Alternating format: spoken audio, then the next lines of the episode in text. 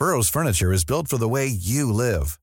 From ensuring easy assembly and disassembly to honoring highly requested new colors for their award-winning seating, they always have their customers in mind. Their modular seating is made out of durable materials to last and grow with you. And with Burrow, you always get fast, free shipping. Get up to 60% off during Burrow's Memorial Day sale at burrow.com slash ACAST. That's burrow.com slash ACAST. burrow.com slash ACAST. Hey, it's Ryan Reynolds, and I'm here with Keith, co star of my upcoming film, If, only in theaters, May 17th. Do you want to tell people the big news? All right, I'll do it. Sign up now and you'll get unlimited for $15 a month and six months of Paramount Plus Essential Plan on us. Mintmobile.com slash switch. Upfront payment of $45 equivalent to $15 per month. Unlimited over 40 gigabytes per month. Face lower speeds. Videos at 480p. Active Mint customers by 531.24 get six months of Paramount Plus Essential Plan. Auto renews after six months. Offer ends May 31st, 2024. Separate Paramount Plus registration required. Terms and conditions apply if rated PG. I'm Sandra, and I'm just the professional your small business was looking for. But you didn't hire me because you didn't use LinkedIn jobs. LinkedIn has professionals you can't find anywhere else, including those who aren't actively looking for a new job but might be open to the perfect role, like me. In a given month, over 70% of LinkedIn users don't visit other leading job sites. So if you're not looking on LinkedIn, you'll miss out on great candidates like Sandra. Start hiring professionals like a professional. Post your free job on linkedin.com/people today.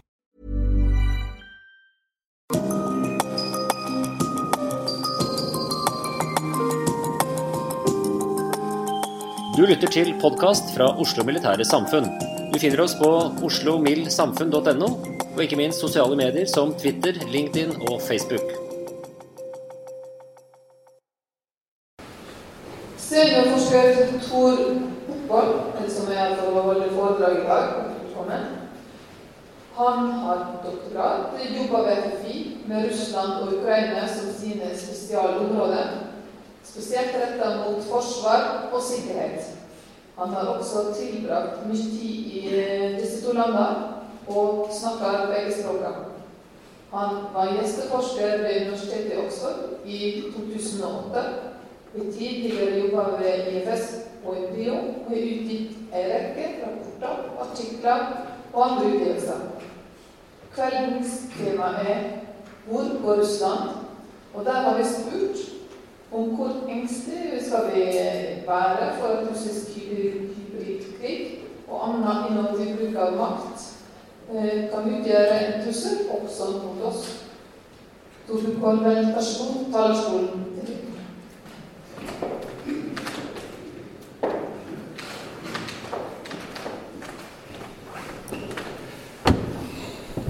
Takk for det. Hører alle sammen? Høres det bra? Ok. Takk for invitasjonen til å komme og snakke. Det er en eh, ærefull talerstol. Det er vel ingen annen talerstol i det militære Norge som har så stor prestisje, så det setter jeg stor pris på. Takk for tilliten. Jeg har tenkt å snakke om tre ting i dag. Eh, Det her med hybridkrigføring har jeg faktisk ikke lagt inn spesifikt i eh, presentasjonen, men det kan vi komme tilbake til. Men temaet som jeg fikk oppgitt, var 'Hvor går Russland?' Og da tror jeg er tre temaene som jeg har satt opp her, er vesentlig. Så jeg skal snakke først en god del om det har kalt den politiske økonomiske modellen, som rett og slett er altså det russiske politiske og økonomiske regimet. Hvordan ser det ut? Hvordan kan man tenke seg at det utvikler seg? Og så vil jeg snakke om utenrikspolitikk og militærmakt etter det. Men jeg tror at den politiske økonomiske modellen, det er det viktigste for å forklare både russisk utenrikspolitisk atferd og innenrikspolitisk atferd. En alternativ forklaringsmodell kunne jo være russisk historie. Og da kommer jeg egentlig med mitt første budskap til salen her i dag.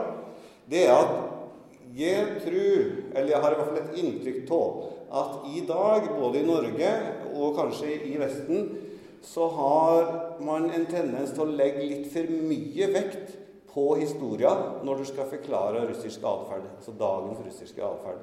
Så det vil være min første på en måte, hypotese eh, eller budskap til dere eh, nå i kveld. Grunnen til at jeg sier det, er at eh, hvis du legger veldig mye vekt på historia, så har det en par negative konsekvenser. For det første så har man, hvis man legger veldig mye vekt på historia, en tendens til å framstille Russland som helt veldig, veldig særegent. Noe som er nesten umulig å forstå, og som du ikke kan bruke allmenne prinsipper allmenne teorier på å skjønne. Jeg tror ikke det er sånn. Det bor folk i Russland som det bor andre plasser. Og det er, Selv om Russland selvfølgelig har sin egen historie, sin egen politiske kultur, så er det altså ikke sånn at det er på en måte et land helt fra en annen, annen virkelighet. Så jeg, Legger man for mye vekt på historien, så blir det for mye i den retningen. Det andre problemet med å legge veldig mye vekt på historien, er at du får en tendens til å ikke tro at det er mulig med endring. Og Russland kan forandre seg selvfølgelig sånn som alle andre land. De fleste land i verden har forandra seg. Det er ikke sånn at alle land i verden på et eller annet tidspunkt fikk utdelt en skjebne og en politisk kultur, og så har de den fra, fra evighet til evighet. Sånn er det ikke. Andre land har forandra seg. Russland har forandra seg og vil fortsette å forandre seg. Når jeg har sagt alt det her, så betyr ikke det at, at jeg mener at man skal se bort fra historien. Langt ifra. Historien er med på å forklare det som skjer i dag òg. Eh, den trangen i Russland til å bli oppfatta som en stormakt er selvfølgelig historisk betinga. Så det er ikke sånn at historien er uvesentlig, men den, jeg tror den har fått litt for stor forklaringskraft i dag. Det, kan, eh, det her vil være forskjellige meninger om. Andre russlandseksperter vil mene noe helt annet enn meg. Men det er i hvert fall det jeg har tenkt å si om det. Så skal jeg introdusere for dere to begrep. Og Dette er egentlig det eneste teori, eller samfunnsvitenskapelig teori som jeg har tenkt å uh, bruke i dag. Men uh, den boka som dere ser øverst til høyre, som heter 'Violence and Social Orders', og som er skrevet av bl.a. Douglas North, som er nobelprisvinner i økonomi, den deler i den boka verdens politiske regimer inn i to. Open access orders og limited access orders. Open access orders der er, det er regimer der tilgangen til økonomiske og politiske posisjoner er åpen og basert på ikke-personlige regler og lover. Og limited access orders ja, det er da det motsatte, men der tilgangen er begrensa i den hensikt å sikre de økonomiske interessene til en liten elite. Og i den samme boka den boka er tre-fire år gammel, i den samme boka så prøver de å beregne hvor stor andel av verdens befolkning som bor under de forskjellige typene regime. Og Da kommer de fram til at det kun er 15 av verdens befolkning som bor under open access orders. Og her, der er Norge her. Det altså, er ikke noen reklame for, eh, for nåværende regjeringen. Sånn. Det er bare for å vise at Norge er en eh, open access order. Mens altså hele 85% bor under limited access orders. Tilbake til det jeg starta med å si. Russland er ikke noe særtilfelle. Faktisk, Den politiske økonomiske modellen de har i Russland i dag, er normen i verden og i dag. Og de fleste, kanskje alle, av dem som er nå under de 15% med open access orders, det landet var òg uh, lenger bak i tida limited access orders. Så Det er altså egentlig det som er på en måte er naturtilstanden. Og så er det da en del land ifølge denne boka her, som har klart å heve seg opp, opp fra den og fått til at tilgangen til økonomiske og politiske pos posisjoner er åpen. Eh, for de fleste, for mange vestlige land så skjedde denne overgangen fra begynnelsen på 1800-tallet framover. Men det, tok, det er veldig forskjellig. altså Det strakte seg kanskje et par hundre år, dette her. Og det starta gjerne både Det starta i England, men det etter hvert spredde seg til andre deler av Europa. Det starta med at du fikk en rettsstat for eliten, som så spredde seg utover til resten av befolkninga. Og man har jo lurt på, og det har på en måte vært en tese i postsovjetisk tid, at Russland òg ville ha beveget seg fra limited access order og oppover til, eh, til open access order. Kanskje særlig når alle verdiene i samfunnet var fordelt. Eller for, hvis man kan si det litt mer brutalt når alt var stjålet, og det var ikke noe mer å stjele, så ville de som har stjålet, de ville sjøl være interessert i en open access order, dvs. Si en rettsstat i det tilfellet her, for å bevare det de hadde fått tak i. Det har ikke skjedd i Russland. Det har ikke skjedd i de fleste andre som postsovjetiske statene her. Eh, og en sannsynlig årsak til det er at de som har tjent stort på overgangen fra kommunismen til det systemet vi har i dag i Russland, de har den en mulighet til å bruke Vestens open access order Vestens eh, rettsvesen til å sikre sine verdier. Så de har altså kunne tjent store penger på tvilsomt vis i Russland, så kjører de de pengene til Vesten. Der er de sikra, for der er det rettsorden. Da trenger de ikke å gjennomføre en open access order og en rettsstat i sitt eget samfunn. Så kan de fortsette med det samme limited access order der, holde andre unna verdier. Og så kan de sikre dem eh, ved å sende dem til utlandet. Og det gjøres i stor grad. Jeg har ikke noe statistikk på det her nå, men det er enorme penger som overføres fra Russland og til utlandet, inklusive vestlige land, eh, hvert år. Hvis vi da ser litt på hvilke effekter denne politiske økonomiske modellen har, så kan dere se på jeg har flere sånne figurer her. Vi kan starte med den øverst til høyre. Den er rett nok en par-tre år gammel, men det er en figur over velstandsfordelinga i Russland. Den er fra 2013, tror jeg det var, og det er den sveitsiske sentralbanken, eh, forskningsavdelinga her, som er, den sveitsiske sentralbanken, som har laga den figuren. Den sier at i 2013 så hadde 93,7% av russerne under 10 000 dollar i formue. Det er altså en eh, store, store, store flertallet av russerne har så å si ikke formue. Det er en liten gruppering som har kjempeformue, og så er det det store flertallet som ikke har noe. Direkte resultat av den modellen vi snakka om før, der man begrenser tilgangen til økonomiske og politiske posisjoner for å sikre egeninteressen til en eh, elite på toppen. Det var altså faktisk sånn i 2013 at det 110 rikeste individer i Russland de eide 35% av all formue i landet. Da, i 2013, så var det kun et par øystater ute i Stillehavet som hadde en skjevere fordeling av verdiene i samfunnet enn Russland. En ekstrem, ekstrem skjevfordeling. En annen effekt av denne modellen som Russland har i dag, er at det investeres for lite. Så dere ser den tabellen øverst til venstre. Det er en sammenligning mellom India, Russland og Kina når det gjelder investeringer. Eh, og utover da fra 2005 til 2015. Veldig stor forskjell. Russland ligger konsekvent veldig dårlig an her. Kina har store investeringer, India har store investeringer. Nå kan du si at både India og Kina man kan absolutt diskutere. I hvert fall Kina er jo ikke noe open access order, det er en limited access order. Så det er det andre årsaken at de har fått så høye investeringer. Men det her er bare for å vise at den modellen som Russland har, den samfunnsmodellen som Russland har i dag, den gjør at veldig få tar sjansen på å investere. Og hvorfor gjør de det? Eh, hvorfor tar de ikke sjansen på det?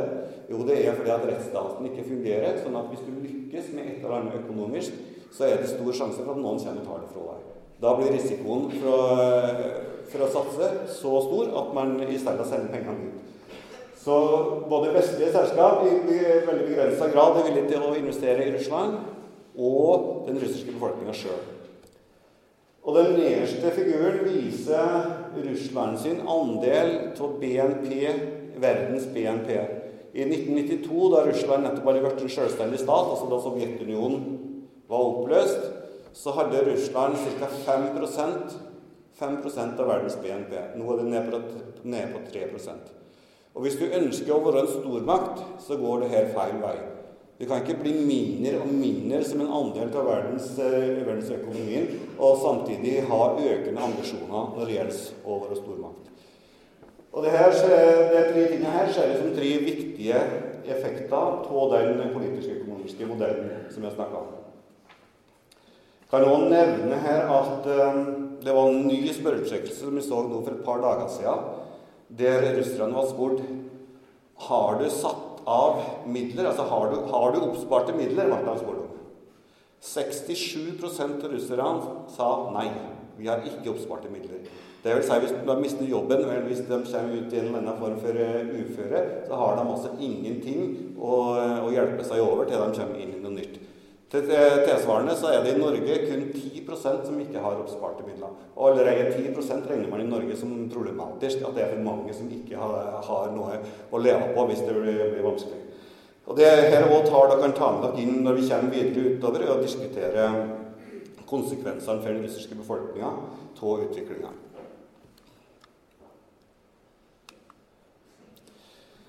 Likevel så er det sånn at russerne er rimelig fornøyd med det styresettet den har. Altså, de er faktisk fornøyd med modellen. Til tross for alle de negative effektene som jeg påpekte, så er de rimelig fornøyd. Dette er, en utvidet dette er. Det krever noe politisk system som russerne mener er det beste. Og Det går da fra 1996 og fram til 2015. Den øverste gul-oransje eh, kurven representerer et system à la Sovjetunionen. Så altså, som dere ser, i mesteparten av den tida som Russland har vært et postkommunistisk land, så har eh, en modell à la Sovjetunionen fremdeles vært den mest populære i den russiske befolkninga. Sannsynligvis er dette et, i stor grad et aldersfenomen, sånn at det er de eldre generasjonene, og det er, det er veldig mange eldre i Russland, det er dem som, eh, som støtter dette her. Men så har det litt forandringer som skjer utover. Den blå streken representerer en vestlig samfunnsmodell. Den har aldri vært spesielt populær, men den har så vidt vært opp igjen, som dere ser i grafen, opp mot 30% Men etter 2012 så har den gått veldig nedover. Og i 2015 så var det altså kun 10% av den russiske befolkninga som mente at en vestlig samfunnsmodell var den riktige for Russland. Støtten var fremdeles klart størst til det sovjetiske, og den, den, gule og grønne er da dagens system, som da tilsvarer her først Jeltsin-perioden og senere Putin-perioden. Og som dere ser, så har det gått litt opp og ned, bl.a. i forbindelse med finanskrisen i 2008. Men fra 2014 og framover klar oppgang. Så det er altså et paradoks her i at sjøl om det russiske systemet ikke produserer et, eh, en levedyktig eller en framgangsrik økonomi, og sjøl om det produserer en ekstrem skjevfordeling av verdiene i samfunnet, så er russerne, når de må velge mellom disse systemet, fremdeles rimelig fornøyd med det systemet her i dag. Det er et paradoks, men per i dag er det sånn. Hvis vi da ser framover Så jeg laga fem scenarioer for hvordan man kan se for seg at den politiske økonomiske modellen utvikler seg. Det første er ganske enkelt. Det er at ting blir som i dag. Vi kaller det mødlingsru, men det er egentlig bare at ting fortsetter som i dag. Veldig tydelig det er det Kreml satser på. Det er fryktelig vanskelig å se noen form for reforminitiativ i dagens uh, russiske politiske ledelse. Det er noen forsøk her og der. Begrense korrupsjonen litt på ett område. Bygge Skolkava, som er en sånn næringspark for utvikling osv. Så, videre. så det er ikke sånn at ikke, ingenting skjer. Men jevnt over så virker det som dagens politiske elite i Russland er fornøyd med det systemet de har bygd opp. Og de beregner Eller de sier at, eh, at eh, det her holder. Og om noen år så vil oljeprisen gå opp igjen, og da går det mye bedre. Så kan vi kan vi tro ikke vi vil da om det er sannsynlig eller ikke. Men Madeline tror er nok kanskje det mest sannsynlige scenarioet. En annen mulighet er økonomisk liberalisering, men da kun økonomisk. Det navnet her trenger ikke å feste dere så mye med, men det er da personer innenfor, altså personer innenfor dagens regime. Rett nok, Aleksej Kodrin, som er ytterst til høyre her, har ingen formell posisjon i dag, men han er fremdeles en, en person som, eh, som, Putin lytter til. Dette her skjer at, at systemet sånn som det er nå, ikke funker. Men de antar at det er mulig å liberalisere kun økonomien uten å liberalisere det politiske systemet. Eller i hvert fall så ønsker de å prøve å få til det, og at det blir et grunnlag for eh, økonomisk vekst. Eh, fagekspertisen er ganske delt i det spørsmålet. Er det mulig å liberalisere et land kun økonomisk uten å gjøre det politisk òg? Men du kan jo f.eks. vise til Kina, som i stor grad har gjort det og fått en viss økonomisk vekst. Men foreløpig så er det altså ingen tegn som tyder på at dette her har spesielt gjennomslag. I den grad du ser en trend de siste åra i den politiske eh, eh, økonomiske politikken i Russland, så er det mer mot den andre sida innenfor dagens regime som ønsker ytterligere tilstramming og en mobiliseringsøkonomi. Her representert ved Sergej Glasjev og Dmitrij Ragozin. Glasjev er økonomisk rådgiver for Putin og en av dem som har stått hardest på for politikken, den tøffe politikken overfor krigføringa overfor Ukraina. Og Ragozin er visestatsminister med ansvar for det militærindustrielle kompleks. Hvis du leser en del av de tingene han her har skrevet, bl.a. har han skrevet flere bøker, så argumenterer de i praksis for en slags sånn gjentagelse av industrialiseringa på 1930-tallet.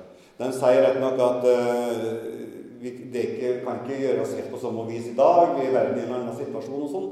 Men de snakker om at Russland har en slags sånn historisk nedarva evne da, til å rykke framover gjennom voldsom, voldsom dugnadsinnsats, der staten står i, leder, eh, i lederposisjon og på en måte presser samfunnet framover og økonomien framover i voldsom fart. Det er heller ikke veldig mange ting som tyder på at de har fått så mye gjennomslag, sjøl om ting har gått mer i deres retning. Så her i dag så ser det ut som Putin står midt i av disse to leirene. Og, og vel, nekter egentlig å velge både den ene og andre. Han kjører egentlig på det som, eh, som han har gjort hele tida. Er tre scenarioene som er presentert så langt, er scenarioer for hvordan man kan se for seg at dagens Putin-regime utvikler seg så har jeg òg to scenarioer der vi kan spekulere i om Putin-regimet kan bli kasta eller endra. Og Den første muligheten er en elitesplittelse eller et palasscup. Jeg tror at Hvis dere kjørte en, en meningsmåling blant russlandseksperter Hvis det blir en endring i Russland, hvordan vil den oppstå? Så vil de fleste si som et resultat av en elitesplittelse eller palasscup. I dag så er det ingen tegn på dette her. Men det er sannsynlig at mange innad i den russiske eliten er misfornøyd med tingenes tilstand fordi at landet rett og slett har stoppa opp. Altså, det er viktig å komme på her at Den russiske økonomien den stoppa opp i løpet av høsten 2013. Altså Den stoppa opp både før oljeprisen begynte å gå ned, og den stoppa opp før de økonomiske sanksjonene. Så allerede når, de, når, de, når, oljeprisen begynte å gå ned, så hadde allerede den russiske økonomien stoppa. Vi tror i hvert fall, uten å ha god empiri på det, at mange innad i regimet er bekymra over tingenes tilstand. Men det har ikke eh, resultert i noen form for elitesplittelse ennå.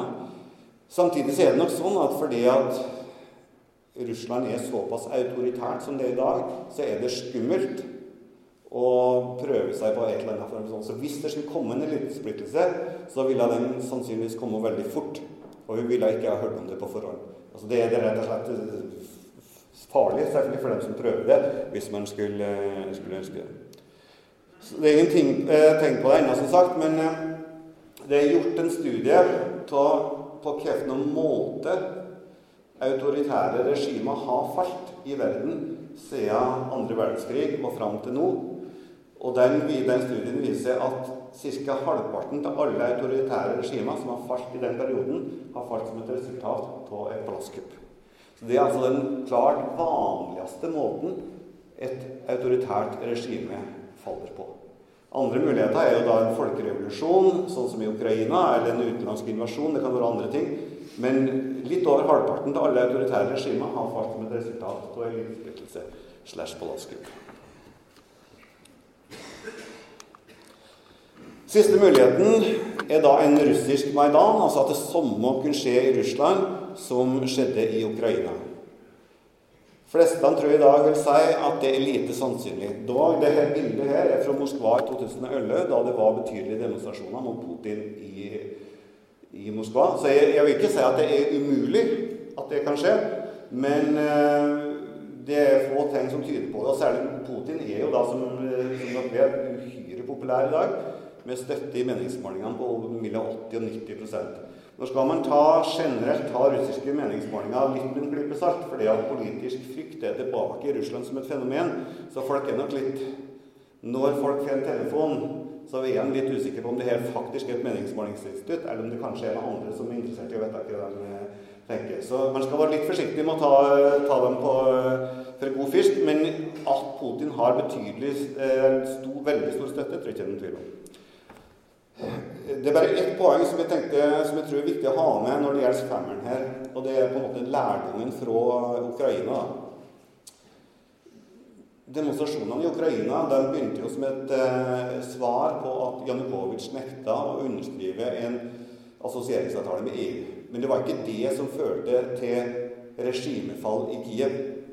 Det var egentlig heller ikke den oppsparte fortvilelsen over det ukrainske regimets korrupthet. Det var heller ikke det som faktisk førte til endring i Kiev. Det som førte til endring i Kiev, var de dumme tinga som regimet gjorde under demonstrasjonene, altså mens demonstrasjonene foregikk.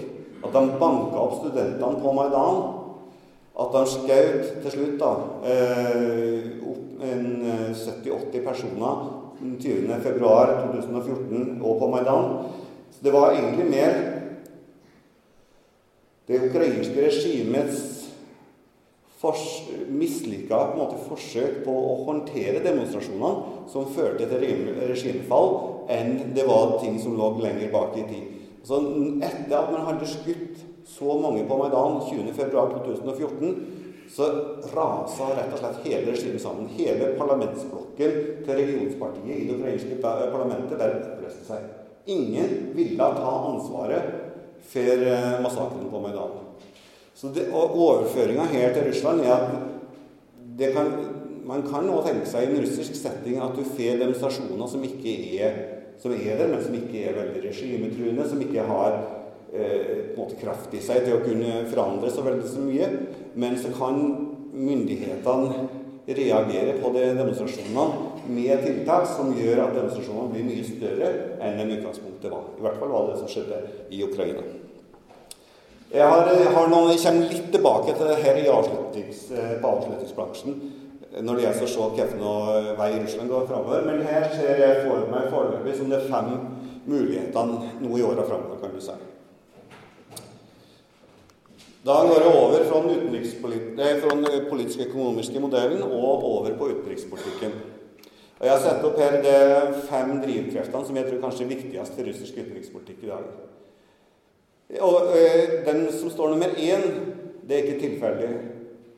Jeg er ganske overbevist om at veldig mye av russisk utenrikspolitikk, i hvert fall overfor Vesten, er prega av frykten for at det som skjedde i Ukraina, og det som skjedde i Georgia og andre plasser, skal skje i Russland nå. Jeg var på en konferanse som det russiske forsvarsdepartementet hadde i Moskva for to-tre år siden, der mm, den skulle egentlig handle om Midtøsten og, og, Afghanistan. Men hele første panel var den hele den russiske forsvarsledelsen holdt powerpoint-presentasjoner. Og alle holdt egentlig samme presentasjon.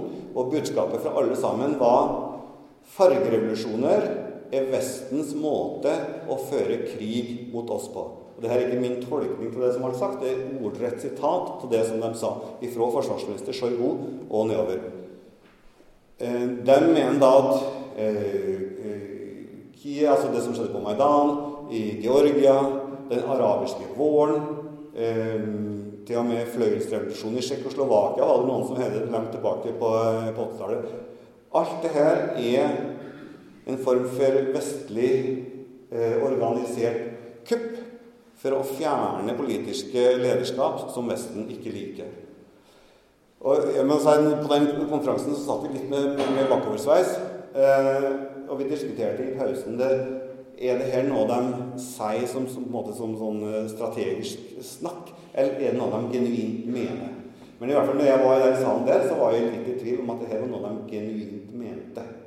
De tror at Vesten har eh, som mål å fjerne alle regimer man ikke liker, og derfor så må og vestlig politikk motiveres og styres ut fra det.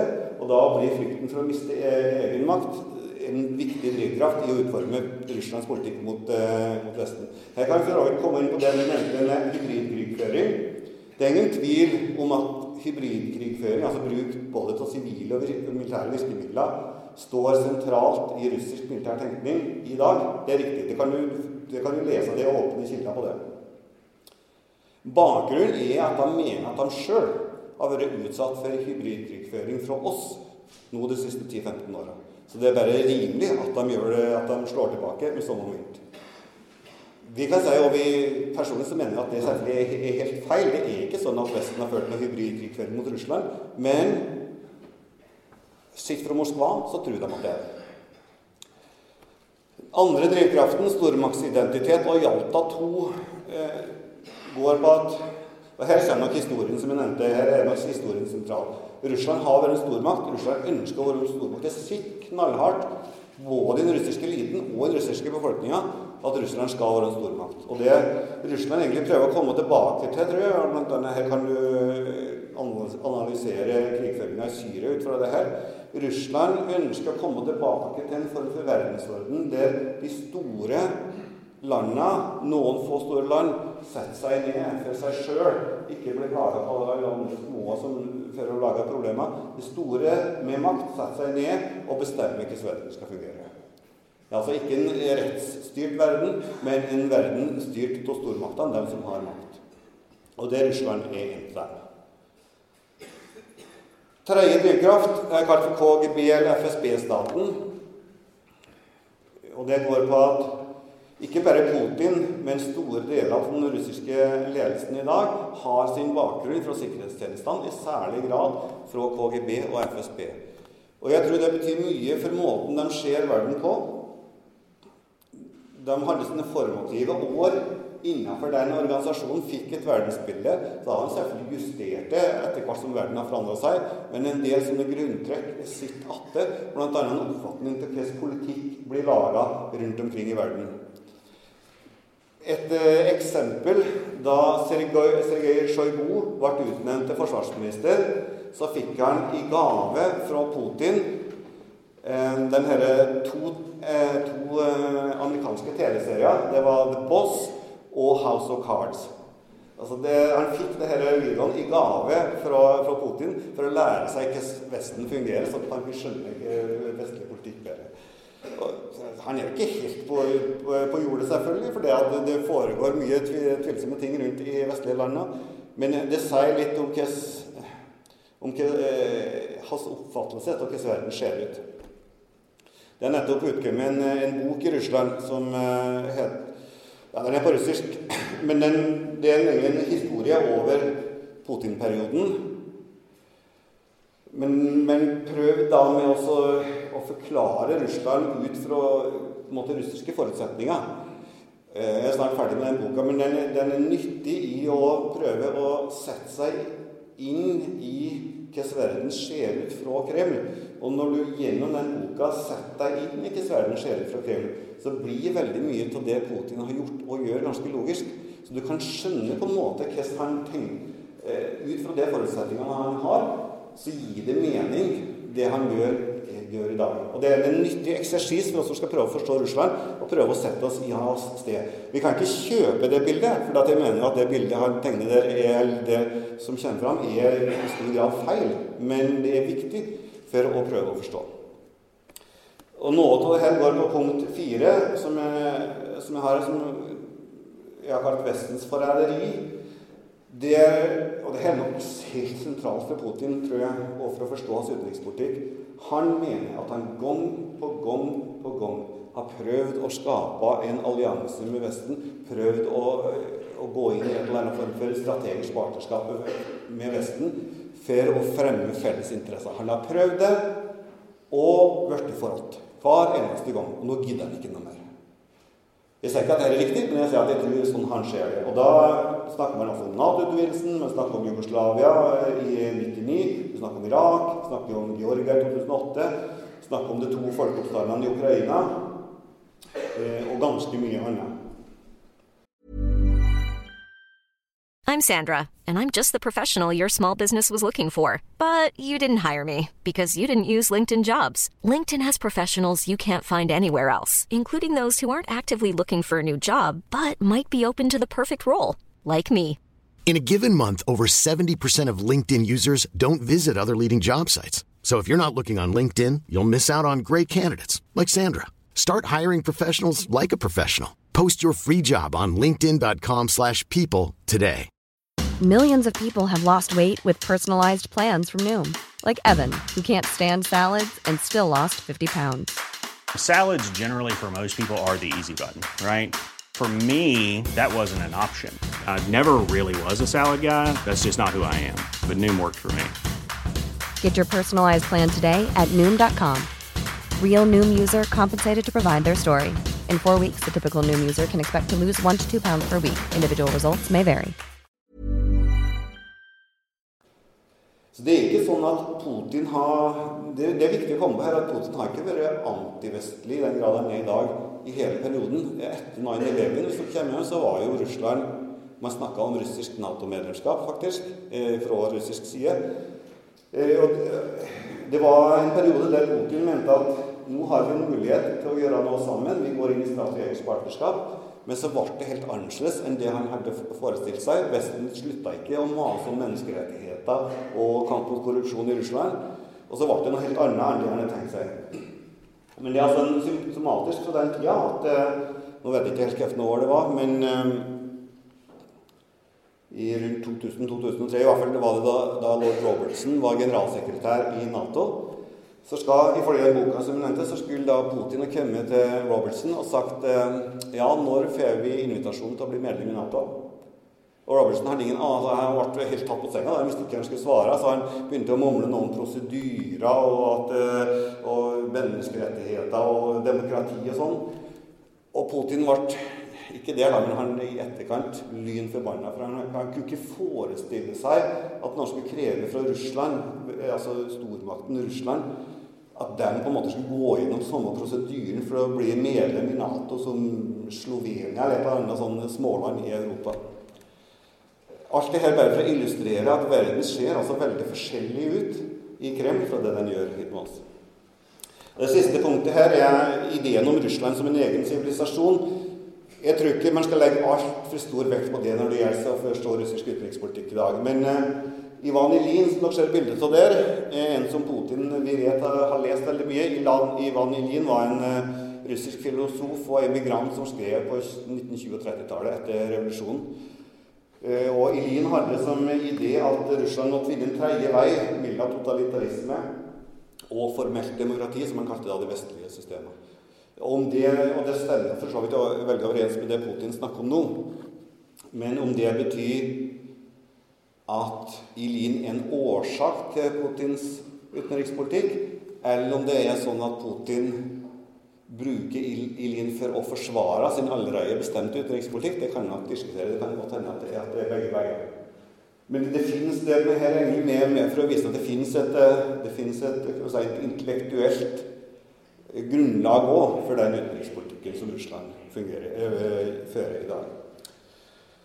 Så hvis vi skal prøve å se litt framover på utenriksområdet, da Når det gjelder Europa, så tror jeg framover det vil bli preget av mistillit og avhengighet. Her er jo mye knytta opp mot eh, det som skjer i Ukraina, om det blir en løsning der eller ikke. Og det ser det foreløpig ikke ut til at det blir. Eh, jeg har vanskelig for å se for meg at tillit skal kunne gjenoppbygges mellom Putins Russland og i hvert fall de fleste eh, europeiske regjeringer. Men det betyr ikke at man, at man er i en situasjon til konflikt. Men det er fremdeles mulig, vil være sannsynligvis, å kunne komme tilbake til en situasjon der du kan leve med hverandre uten å ha spesielt tillit til hverandre. Og Det er et sterkt ønske om det i mange europeiske land pga. den økonomiske avhengigheten til Russland. Både når det gjelder eh, særlig gass, da, men også en del andre økonomiske avhengigheter. Så Det er ganske mange innen EU som ønsker å få fjerna sanksjoner eksempel, så fort som mulig, fordi at de taper på det. Men at de skulle komme tilbake så, så lenge Putin, eller som noen som ligner på Putin sitter ved makta, at de kommer tilbake til det vi hadde før Ukraina, helt tilbake dit, det tviler jeg på. Når det gjelder SOS-området, det her er da Nazarbayev, Porosjenko og Lukasjenko, altså ledere fra, fra SOS-området, eller tidligere Sovjetrepublikkene, så tror jeg tida framover vil bli preget av frykt og underdanighet eller konflikt. Mest underdanighet, antagelig. Det er, ikke, det er ingen av de tidligere postsovjetrepublikkene som har støtta Russland i det vi gjør i Ukraina. Ingen. Sjøl ikke Lukasjenko har støtta Russland i det, det, han har gjort eh, eller Russland har gjort i Ukraina. En, eh, en amerikansk kollega av meg var i Kasakhstan eh, sommeren 2014. og Der sa han til han at Krim er vårt 9-11, sa han i Kasakhstan. Ikke alle i Kasakhstan, selvfølgelig, men de folk har snakka med som, som, analyserte situasjonen, så på det som skjedde på Krim som veldig alvorlig overfor Kasakhstan. Kasakhstan har en stor russisk minoritet nord i landet og er bekymra for at det samme kan skje der. Eh, og det, altså, jeg tror det er rimelig å si at det, det er ikke noen form for type vennskap, egentlig sympati mellom Russland og det landet her. Det er mer en, en, eh, en, situasjon der de frykter Russland, men ser at de ikke har så mange alternativ, og underordner seg. I tillegg så er det altså sånn at de fleste, i hvert fall i Sentral-Asia, så er det jo korrupte, autoritære regimer alle sammen. De har ikke så mange andre plasser å gå. Den eneste plassen det blir tatt hvis du kommer til Washington, så får du skjenning hele tida for at du driver et sånt autoritært, eh, korrupt regime. Det gjør du ikke når du kommer til Moskva. Og det kan være behagelig av og til, tror jeg, for en del av de lederne der.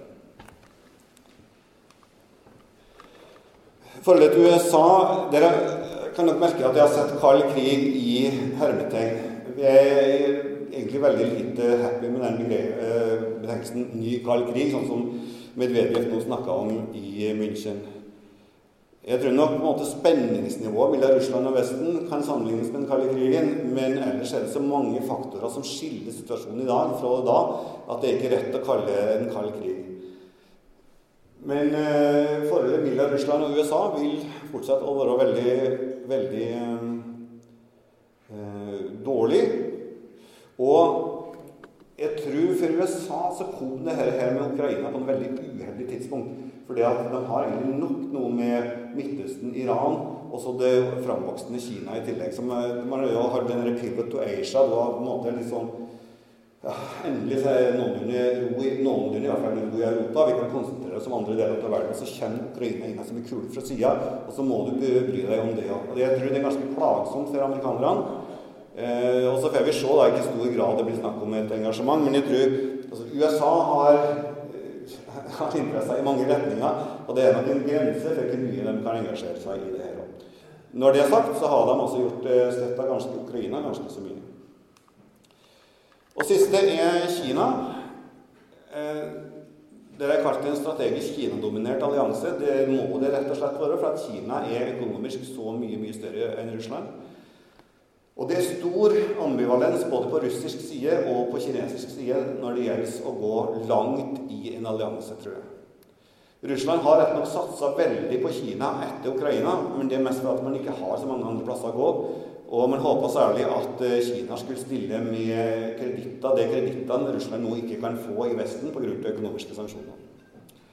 Men eh, kineserne er jo òg forsiktige her.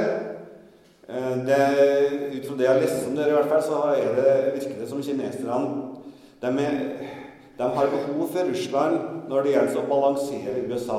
Når det gjelder å hindre at USA blir enerådende i verden, så har de en klar interesse i å gjøre det og, og, og samarbeide med russerne. Samtidig så føles så mener nok at russerne er unødvendig provoserende og uberegnelig i sin utenrikspolitiske atferd. Jeg tror mange i Kina er nervøse for at hvis de går for langt inn i allianse med Russland, så kan de bli komme i en sånn gisselsituasjon der Russland gjør et eller annet, og de blir nødt til å støtte det. Og de var egentlig mot dette her i utgangspunktet. Så jeg tror de er ganske forsiktige. Eh, de støtter retorikken og snakker om, om felles interesser, men det er grenser for hvor langt kineserne vil gå. Og de kommer jo ikke som med noen økonomiske redningsplanke til Russland når de vestlige sanksjonene setter inn. Slett ikke. Kort om nordområdene. Jeg skal ikke si så, så, mye om det. Vi kan eventuelt ta det i spørsmålsrunden. Det er bare her en plansje som viser utbygginga til baser i Arktis. Militære baser i Arktis. Russisk utbygging til militære baser i Arktis. Det er litt uklart fremdeles for meg hvorfor Russland bruker så enormt mye penger i Arktis, altså militært sett. For det koster jo forferdelig å utvikle alle basene, eller bygge opp basene. Det er nok en idé om at det blir et eller annet ressurskappløp i Arktis med tida, og at Russland bør være til stede militært for å sikre det. Men øh, jeg har egentlig ikke, og når vi har snakka med våre russiske kollegaer, fått en god nok forklaring på hvorfor de i den grad de gjør nå, prioriterer Arktis militært sett. Nå har jeg fått en sånn fem minutter her, så nå skal jeg prøve å snakke om russisk militærutvikling på fem minutter. Eh, så da går vi over på det. Militærmakten. Kort sagt så er den russiske militærmakten i dag betydelig sterkere enn den var for ti år siden. Betydelig sterkere. Og for åtte år siden. Det er to hovedårsaker til det. Man har gjennomført en fornuftig forsvarsreform. Det er kanskje den mest, eh, mest fornuftige reformen som Russland har gjennomført på sovjetisk tid. Og de har gjennomført den mer og mindre til fulle. Det er særlig svakheter der òg, men man har gjennomført en fornuftig forsvarsreform som gjør at de får mye mer forsvar ut fra, ut fra pengene enn de gjorde før 2008. Og det er eh, Anatolij Serdjukov øverst til høyre her, som var eh, måte arkitekten for den reformen. Det vil si han som utførte den. Det var andre som var arkitektene, men det var han som satte den eh, ut i livet. Og den ble gjennomført på et brutalt vis, men faktisk gjennomført. Så Det er den ene årsaken til at Russland er militært sterkere i dag. Det andre er at de bestemte seg for å flytte veldig mye til den offentlige pengebruken over til militæret. Og det er altså på bekostning av helse, utdanning og en del andre sektorer. Samla sett så har dette gjort at det russiske forsvaret er betraktelig bedre, og det så vi f.eks. på Krim. Bedre enn det var Og det var på en måte Georgia-krigen, da, der det ikke gikk noe særlig sjøl om de vant krigen. Så, så, var det så mye svakheter. Det var det som var det som satte i gang. Her er bare kort for å vise sammenligna med andre land hvor mye man bruker på forsvar. Russland bruker altså nå det etter Sibri-estimat opp mot 7 av BNP. Det, du, vil, du, vil, finne ca. 4% i andre kilder. Grunnen er at SIPRI beregner forsvarsutgifter veldig forskjellig fra, fra, andre land. Men når det gjelder som andel av BNP, altså, så ligger de langt over både USA, Norge og Storbritannia. Dog må vi komme på er det viktig at det kom i russiske aviser i dag at neste år så vil sannsynligvis forsvarsutgiftene bli kutta med 5 Det er første gang man kutter nominelt i forsvarsutgiftene siden, 90, eh, 90-tallet. Så krisa har slått inn på forsvarsområdet. Veldig kort, hvordan ser det ut framover? Jeg har sett opp, det er altså, Rød betyr at jeg ikke tror det vil skje. Dette er målsettinga som russerne har. Gul betyr at det kan skje, og grønn betyr at, eh, at jeg tror de vil klare det, eller at de aldri har klart det. Jeg tror ikke de vil klare å få en million stående styrker. De ligger på drøyt 800 000 i dag, men befolkningsgrunnlaget er rett og slett for tynt. Tror heller ikke de klarer å få 425 000 kontraktssoldater, sjøl om de nå ligger på godt over 300 000. 70 moderne utstyr i 2020 kan de oppnå, men alt går på hvordan du definerer moderne. Jeg snakka med en fra den russiske generalstaben og fikk muligheten til å stille spørsmålet hva mener dere med moderne utstyr, og da sa han som i Vesten eller bedre. Hvis det er målestokken, så vil de ikke klare det.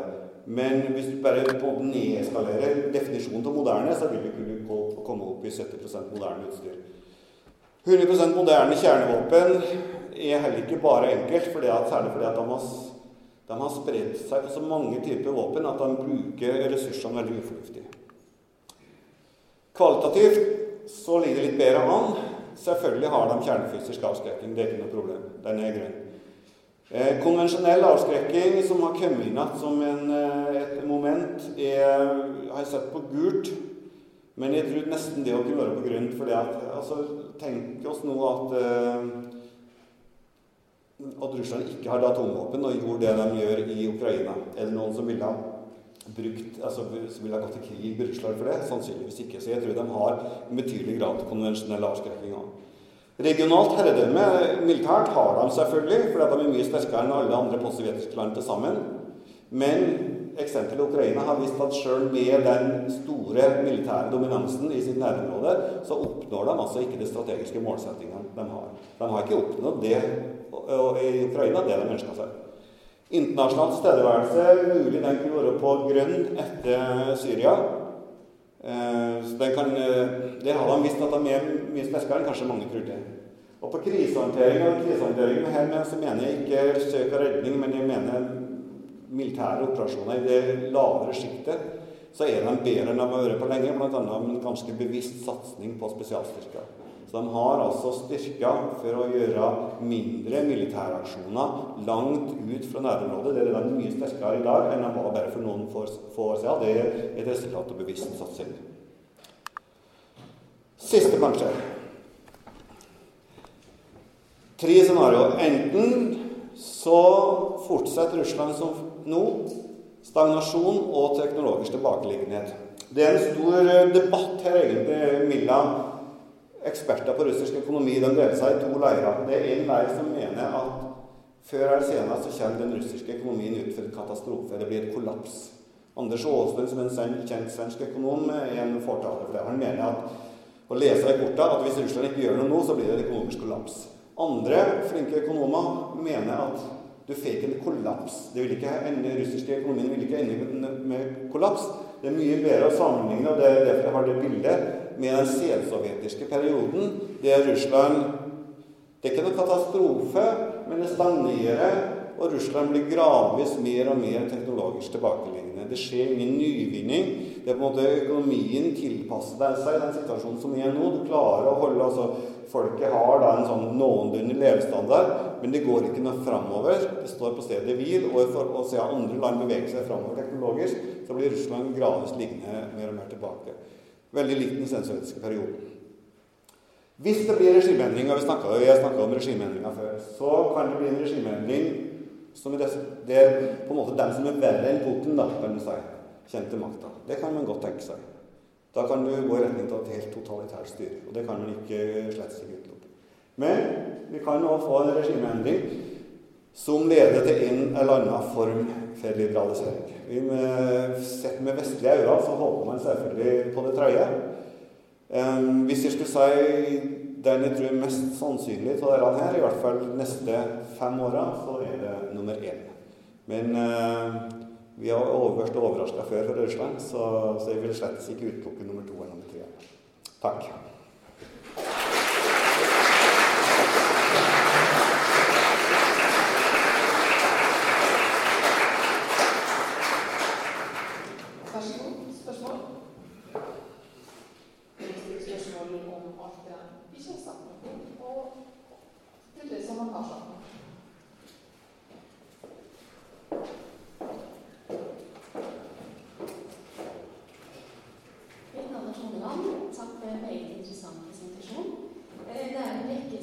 kan gjerne ikke ta opp med. Jeg har da utvalgt kun to stykker.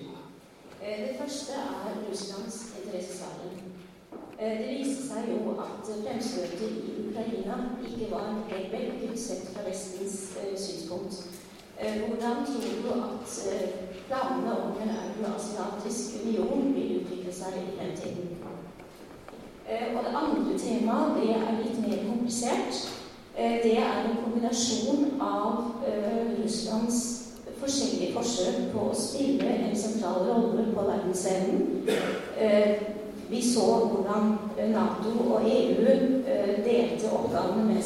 mellom seg i forbindelse med Ukraina-krisen, da det var mest akutt. Eh, så er det Russlands fremstøt i Syria. Eh, og da er det noen teorier om at Russland kanskje prøver å bli litt mer spiselig sett fra Vestens side. Eh, de var også involvert og spilte en vesentlig rolle i forbindelse med behandling av atomavtalen med Iran.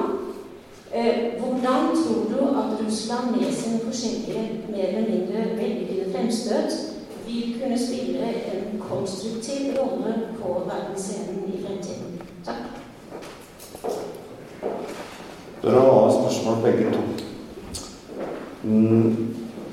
Ja, det var før Hvis vi tar det første først, da, med, med interessesfæren og integrasjon på det postsovjetiske området, så var det fram til Ukraina ganske betydelig fremgang, særlig på økonomi.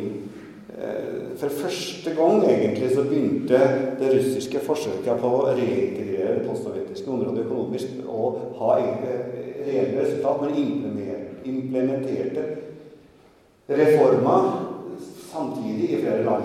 Eh, og de som har fordel med på den prosessen mye nærmere enn meg, var faktisk ganske optimistisk på at det her kan, eh, her kan føre, føre, til en reintegrering, i hvert fall eh, økonomisk sett. Jeg tror Ukraina ødela mye på det. Eh, jeg tror Russland er ødelagt for seg sjøl der. fordi at rett og slett som jeg sa tidligere, frykten for Russland er noe mye større i det landet. Eh, og det, eh, altså det andre, særlig Sentral-Asia, men også Hviterussland, Armenia og andre, vil være mer forsiktige nå, tror jeg, med å gå inn på i hvert fall på ordninger som, som har med overnasjonalitet å gjøre, mot Anafia. Så jeg tror kanskje Russland har ødelagt en del for seg, for. For det var positivt tre ting på gang. Eh, når det gjelder Russland og prøve å bli mer spiselig, i Syria og konstruktiv rolle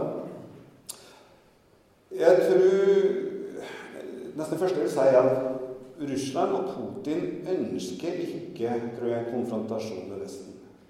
De er egentlig eh, De beklager at det har skjedd, men de, eh, dagens russiske ledelse ønsker samarbeid med Vesten på veldig spesifikke vilkår. Og det vilkåret er én at Vesten ikke blander seg inn i russisk politikk. Det er to at Russland blir tatt med på råd i alle viktige spørsmål i internasjonal politikk, og det kanskje Vesten mener at Russland ikke egentlig har noen rolle. Eh, og det tredje, og det som kanskje og det som nok blir vanskeligst for Vesten å gå med på, er at Russland krever respekt for sin innflytelsessfære. De krever å få bestemme at Ukraina ikke skal bli en del av Europa. De krever å få bestemme at Hviterussland, hvis du skal få en eh, regimeendring der, ikke skal bli en del av Europa. Det mener de er deres rett, eller det mener dagens russiske regime er deres rett. Og det er det vanskelig for vestlige land å gå med på. Så på de tre punktene så tror jeg nok Vesten kan komme Russland i møte. Kanskje på noen, men, men, særlig på det siste så blir det vanskelig. Og dermed så gjør det gjør at det blir vanskeligere for Russland å spille Eller for mindre insentiv for Russland til å spille en, en, en konstruktiv rolle på, på de områdene der man har felles interesser. Likevel så tror jeg nok at Russland kanskje vil prøve det på ikke-spredning, til dels kampen mot terror.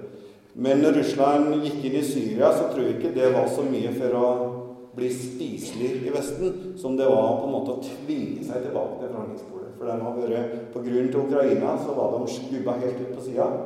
Og man, de, de hater å være på sida, så, det, så de måtte jeg veldig sterkt behov for å tvinge seg tilbake eh, til forhandlingsbordet. Hvis det var svart på spørsmålet.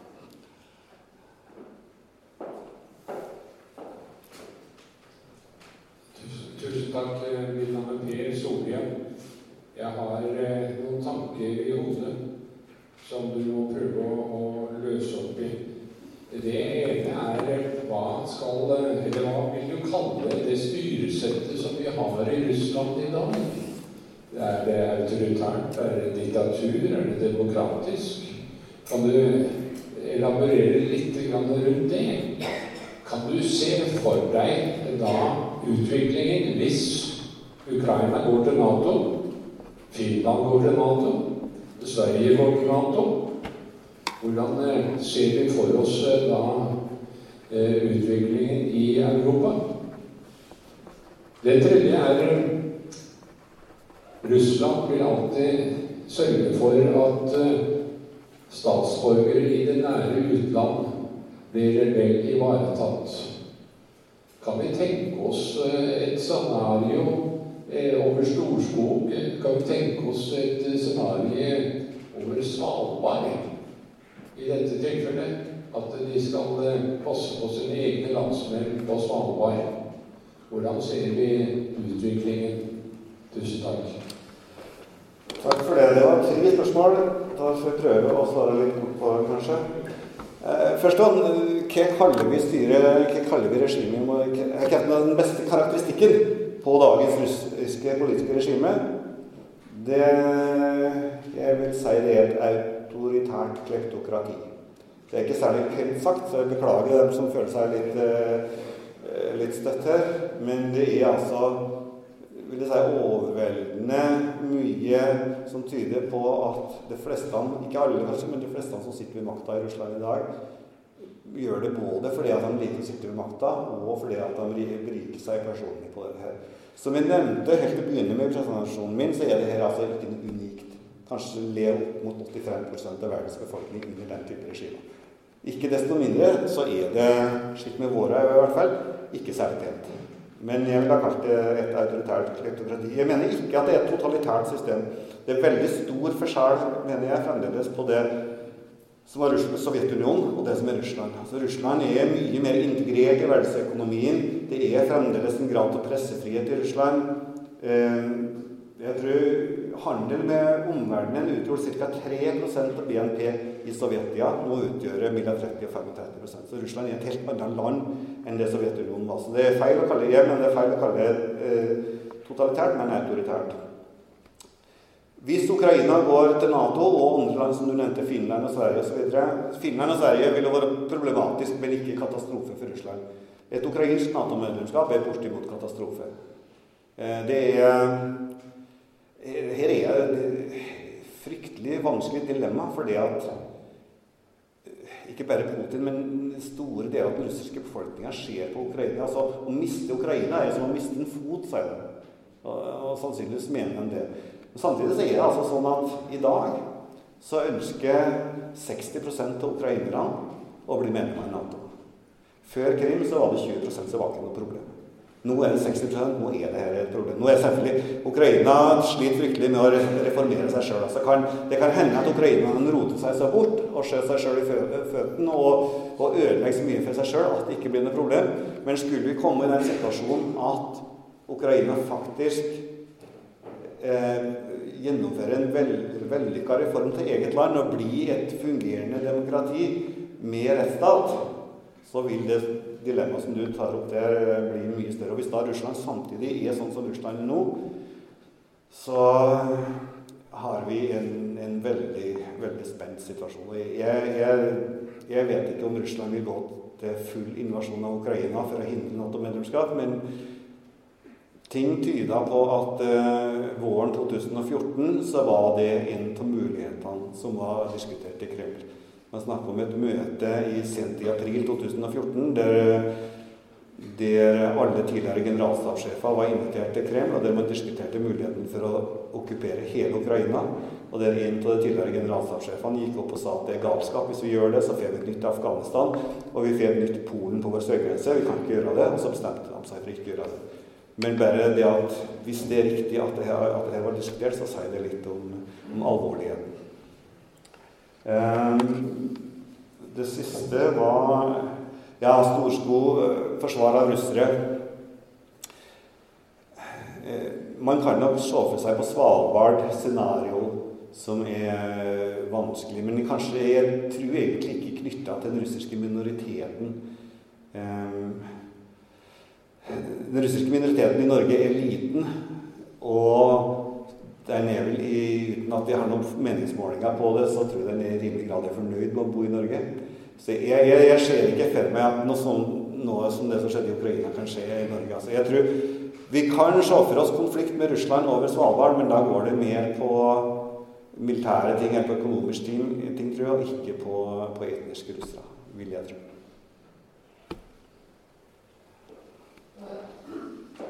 Bare en ting på talerlista, så ikke strek for nye spørsmål.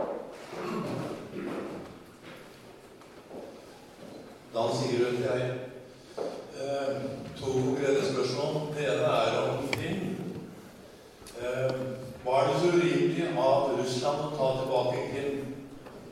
Med det spørsmålet. Eh, som egentlig ble gitt til Ukraina under sovjettiden, og som har strategisk stor betydning åpenbart for Russland. Var det så rimelig at, at Vesten reagerte så sterkt som gjorde på at den ble tatt tilbake igjen? Det var det ene spørsmålet. Det andre det var Er det vi, Vesten, som har bygd opp om en frykt nå for at Russland skal gå inn i de baltiske land?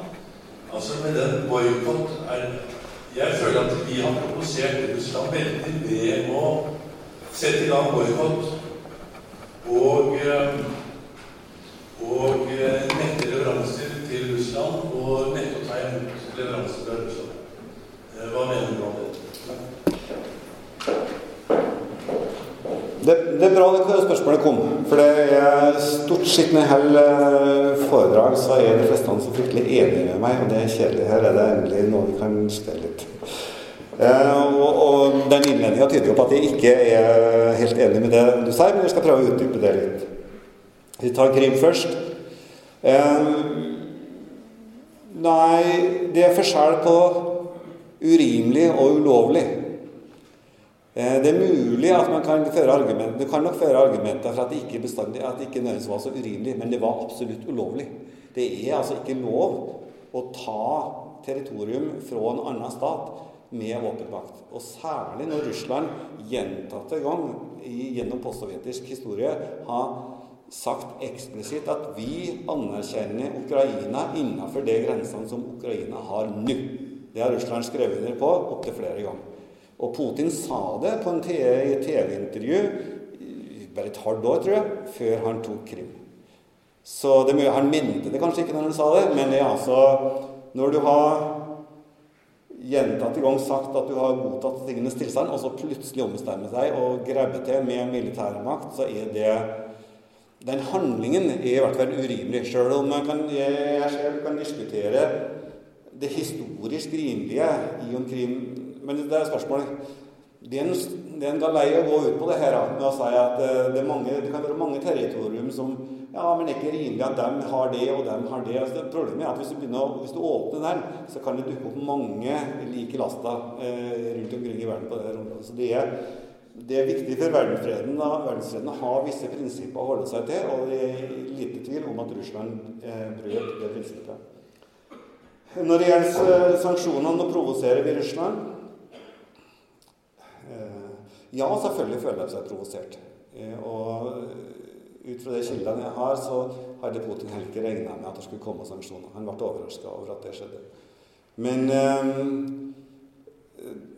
det var det eneste alternativet. Det var ingen som ville gå til krig mot Russland for, det, for at Russland tok Krim, og for at Russland starta en krig i Øst-Ukraina. Så det eneste hvis man skulle, alternativet for Vesten var enten bare å si OK og gå videre, eller å innføre økonomiske sanksjoner. Og da, hvis du, i hvert fall hvis du spør meg helt personlig, så mener jeg at eh, altså Man kunne ha ført diplomati, da, selvfølgelig, som tredje. Og det, det, gjorde man jo i tillegg, og har gjort hele tida, med Normandie-formatet og alt mulig. Så det, man har ført det. Men det, det må, diplomati har en tendens til å bli litt tannløst uten at du har noe som står bak. Jeg tror at nå tror jeg at eh, situasjonen i Øst-Ukraina kommer til å være frosset eh, sånn som den er i lang tid, dessverre. Eh, og særlig for dem som bor der. Eh, men jeg er i hvert fall overbevist om at hvis man fjerner sanksjonene nå, så ble det frosset for evig alltid. Det eneste som eneste, tror jeg, per i dag som gjør at man kan håpe på en eller annen løsning i Donbass i løpet av lett å si, de neste fem åra, er hvis sanksjonene er der. at det koster såpass mye for Russland, sanksjonene koster såpass mye for Russland at de, de blir pressa eh, til å finne en eller annen løsning. Og det er altså Jeg var i Kiev her for en måned siden, og da har det nettopp Baris Grislov, som er parlamentsformannen i Russland, han er nettopp vært Han er nå Putins utsending til Ukraina. Han har altså kommet til Ukraina og ba om et møte med Porosjenko. Det gjør normalt ikke russiske ledere. Det det er en uh, nedverdigende sak, men han gjorde det, tror jeg, fordi at sanksjonene er plagsomme, og Russland ønsker å prøve å finne en løsning. Rett nok så prøver han foreløpig å finne en løsning der de får full uttelling for sine krav, men, uh, men man kan ikke utelukke at det kan bli en løsning i løpet av de neste fem åra hvis sanksjonene ligger som pressemiddel. Sånn ser jeg det. Vi er uenige, men det er bra. Flere som vil stille det spørsmålet, men jeg har satt strek. Og det var kanskje det blir spennende om gjerne skulle hatt litt mer tid. Jeg syns det var utrolig spennende foredrag du hatt, og bare framtida vil vise hvordan virkeligheten. Det vil bli. Mulighetene er mange. Tusen hjertelig takk for et spennende foredrag.